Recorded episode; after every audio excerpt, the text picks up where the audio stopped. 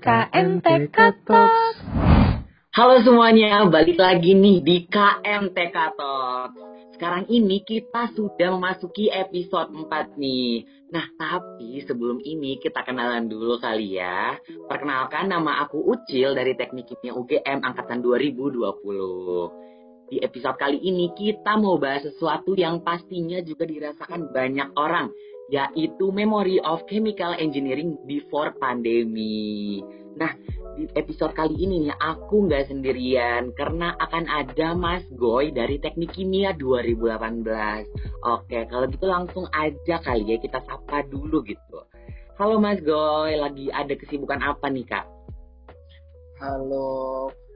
Jadi kalau aku sih kesibukannya sekarang kan baru awal semester 7 nih. Mungkin ya baru belum ada kesibukan khususnya buat yang semester 7. Cuma masih ada imbas kesibukan dari semester 6 lalu ya kan periode penelitianku kan dari Oktober 2020 sampai Oktober 2021 harusnya karena PPKM kemarin selama sebulan eh dua bulan ya.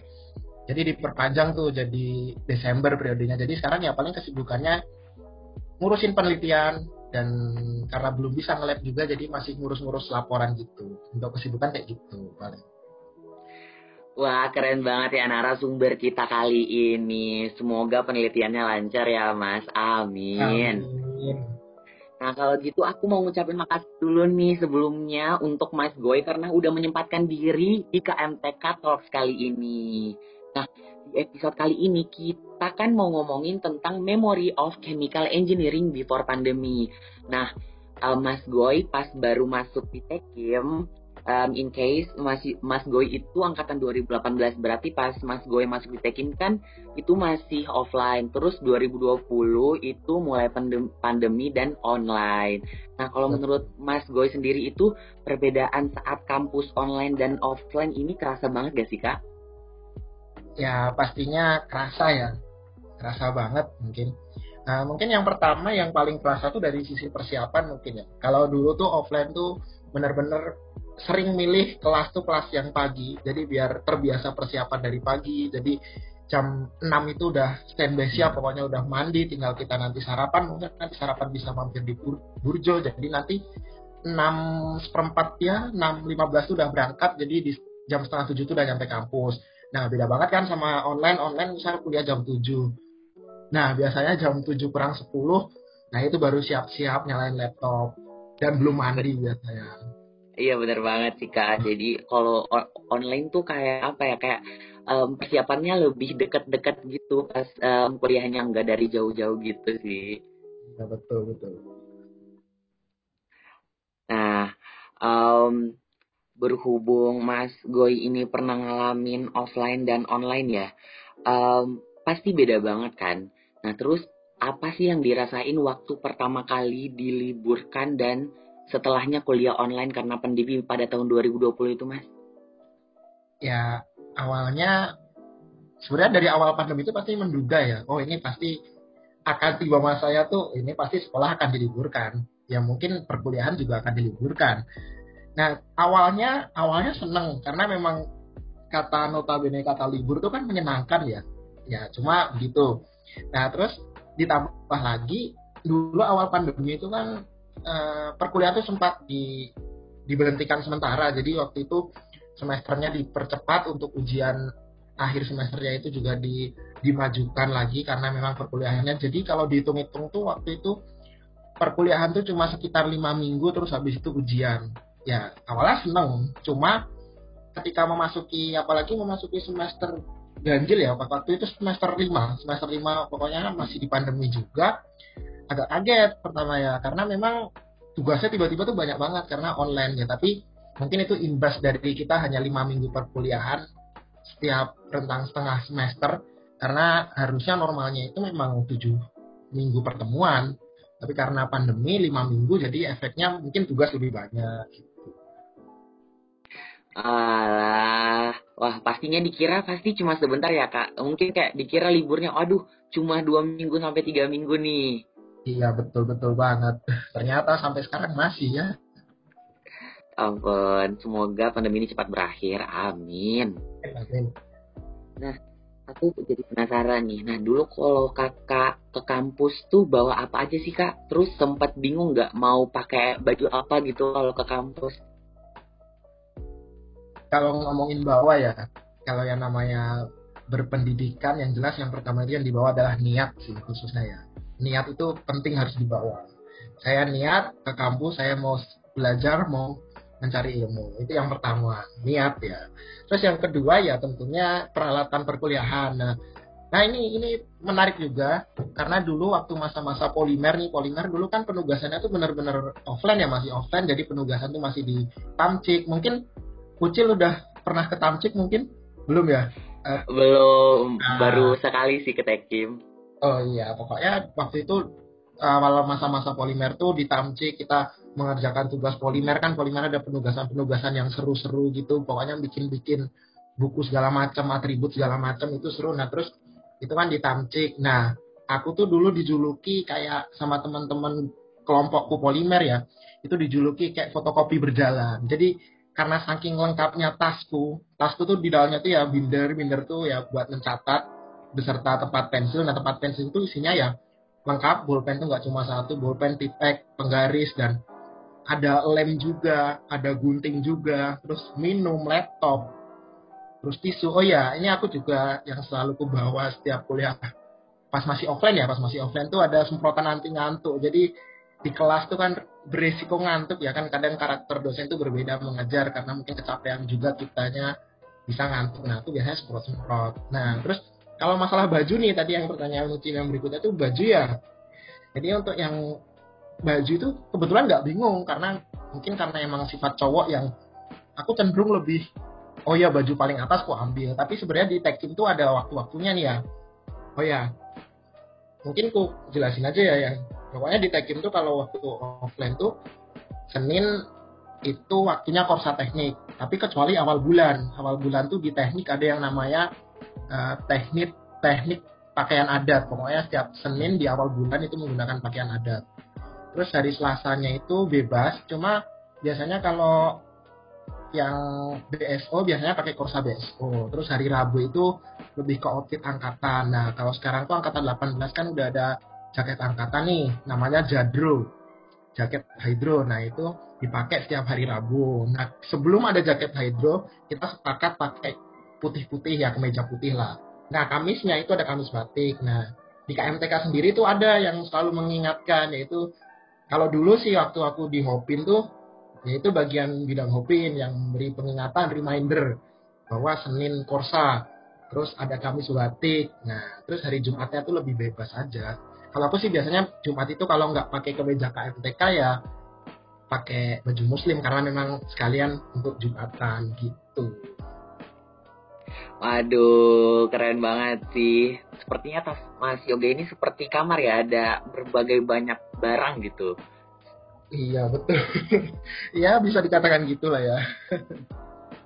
nah, um, bener banget tuh yang dikatain Mas Goy tadi. Jadi kalau mau ke kampus tuh bener-bener harus niat dan um, di Tekim tuh ada banyak banget gitu loh tempat-tempat buat belajar bagi teman-teman. Jadi teman-teman nggak um, usah khawatir nih kalau mau ke Tekim um, takut kalau nggak ada tempat buat belajar karena banyak banget tempat buat belajarnya. Betul nah, Um, aku jadi penasaran nih sama Mas Goy. Dulu waktu ke kampus tuh spot-spot favorit Mas Goy itu ada di mana aja sih Mas?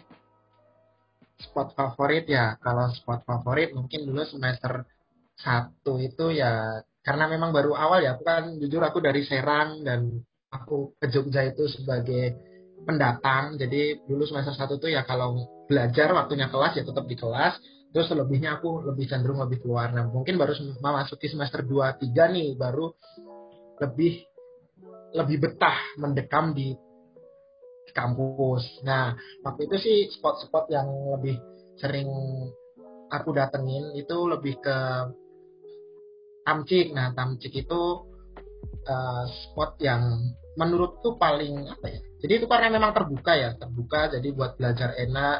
Nah, sekarang ditambah lagi di sebelah selatannya Tamcik itu ada namanya Taman Equid. Nah, itu itu juga spot yang enak buat kumpul-kumpul ngobrol tapi tentunya buat belajar lah tuh Walah, tapi aku masih penasaran mas, tamcik itu apa sih mas? Aku juga belum tahu nih.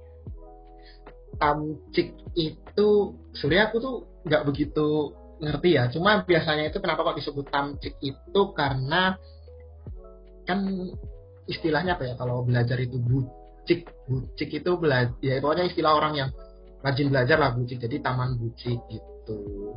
Nah, cuma itu tuh uh, taman itu karena yang membuat itu sebenarnya aku kurang tahu pasti ya kenapa kok dinamain Tamcik itu. Cuma karena memang itu kan taman yang membuat dari alumni gitu. Jadi taman Ek, Tamcik, taman Ekuk itu dari alumni yang membuat juga bantuan dari alumni untuk membuat taman yang visible untuk dilakukan belajar gitu.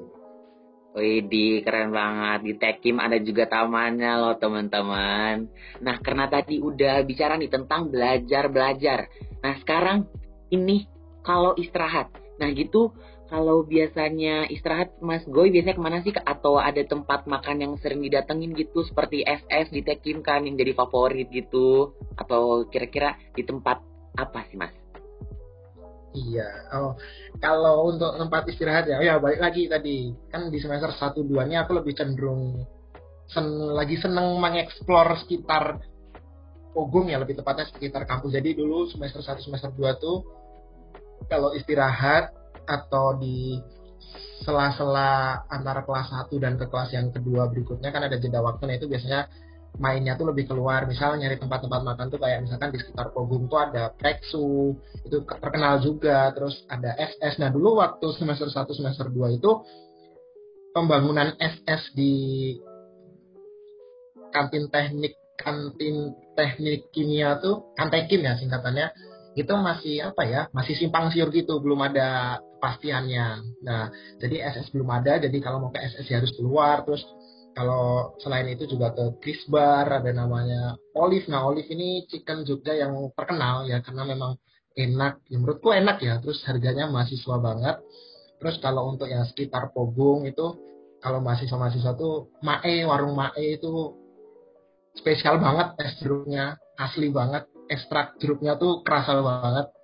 Nah, terus paling sisanya ya ke burjo-burjo. Nah, setelah lewati semester 2, kan udah mulai males nih ya keluar-keluar. Jadi waktunya tuh kayak ya udahlah ada kalau ada waktu kalau bisa buat ya belajar gitulah ya. Jadi dulu kalau ada pergantian kelas, ada sela-sela waktu itu lebih cenderung mendekam di tekim aja itu ada tempat makan yaitu warung makan Mbak Puput ya udah pokoknya kumpul-kumpul di situ Mbak Puput itu jual ya nasi ayam, ada minuman-minuman, nasi telur, ya macam-macam lah jual di situ. Jadi lebih nongkrongnya di Mbak Puput aja di lebih tepatnya tuh di sebelah utaranya gedung S.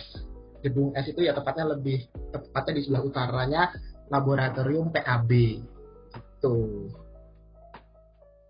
Aduh, kayaknya asik banget nih kak. Pas offline tuh, kayaknya aku harus datengin si warung Mbak Puput, Olive nanti pas offline mantap sip sip harus wajib banget aduh aku jadi ini deh jadi gemes gitu pengen offline cepet-cepet. Soalnya kayak kayaknya mendengar cerita dari Mas Goy tadi offline tuh seru banget gitu. Bosan kan kalau online terus di rumah gini natap laptop mulu gitu. Iya betul. Nah kembali lagi ke topik nih karena kira-kira um, menurut Mas Goy ini siapa nih yang akan ditemuin Mas Goy kembali nih waktu kuliah offline? Siapa ya? Soalnya yang paling pengen, paling pengen banget ketemuin tuh ya nggak mau kuliah offline online pun masih bisa tetap ketemuin gitu sih. kalau penelitian kalau penelitian juga malah ketemu terus. Enggak enggak. Sebenarnya sebenarnya yang jelas uh, yang mau ditemuin tuh adalah suasananya ketika offline. Jujur kalau ditanya siapa, mungkin aku akan jawabnya suasana jadi kayak suasana ketika kuliah offline tuh sulit untuk ditemui di saat kuliah online kayak gini dari belajar barengnya, dari intinya dari bercanda-bercandanya biasanya guyon-guyonannya gitu kayak suasananya itu kayak nggak kayak kurang dapet gitu lah ya dikatakannya. Aduh, kayaknya bener-bener ya, kayak nih offline nih bener-bener seseru itu. Aku jadi, aduh, makin-makin nih makin kepengen offline gitu. Nah, berbicara masalah suasana tadi yang um, dibicarain Mas Go ini, ada nggak sih kak? Tapi kayaknya aku pikir nih pasti ada gitu. Uh, momen yang lucu dan terkenang bagi Mas Goy pas offline.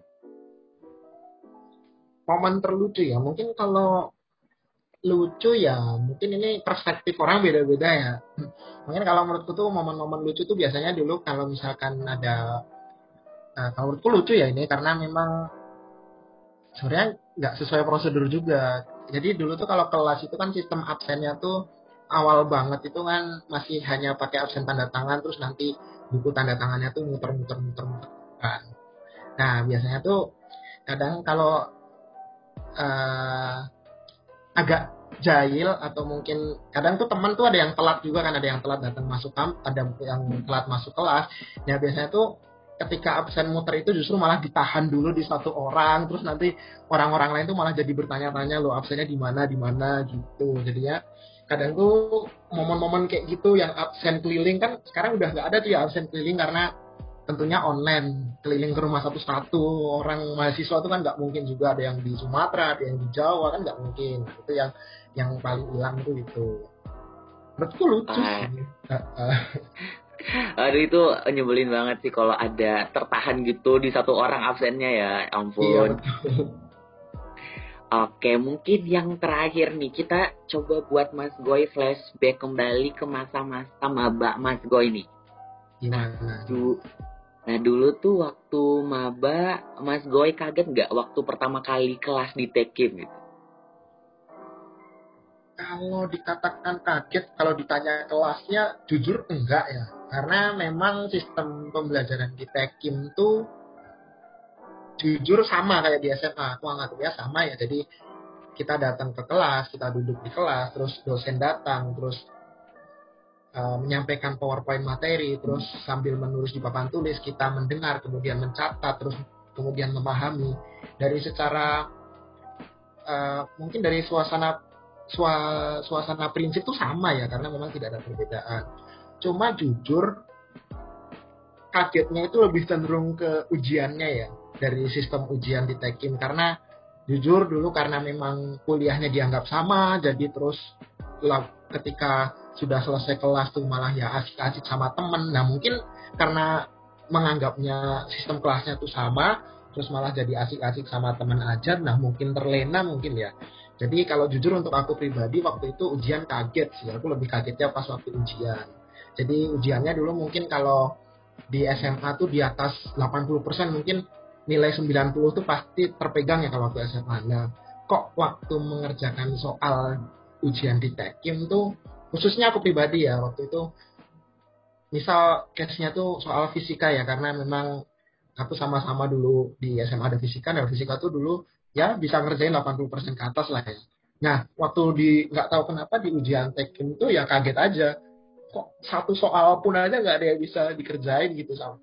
Aku pribadi ya ini. Jadi kalau ditanya kaget ya mungkin kalau aku lebih ke kaget suasana ujiannya aja sih. Aduh. Oke, mungkin teman-teman Mabani yang mendengar um, dari Mas Boy tadi bisa lebih mempersiapkan nih buat ujian biar nggak keteteran nanti ya pas ujiannya. Iya, betul banget. Jadi tadi bukan bukan maksud nakut-nakutin ya. Jadi emang justru malah biar lebih siap lagi gitu lah. Bener banget, setuju setuju. Nah, tanpa kita sadari nih teman-teman, ternyata kita udah ada di penghujung podcast. Udah banyak banget nih yang kita bahas mengenai memory of chemical engineering before pandemi. Jadi yang bisa aku simpulin nih dari pembicaraan aku sama Mas Goy tadi tentang memory of chemical engineering before pandemi itu adalah perbedaan dari kuliah offline dan kuliah online itu benar-benar beda.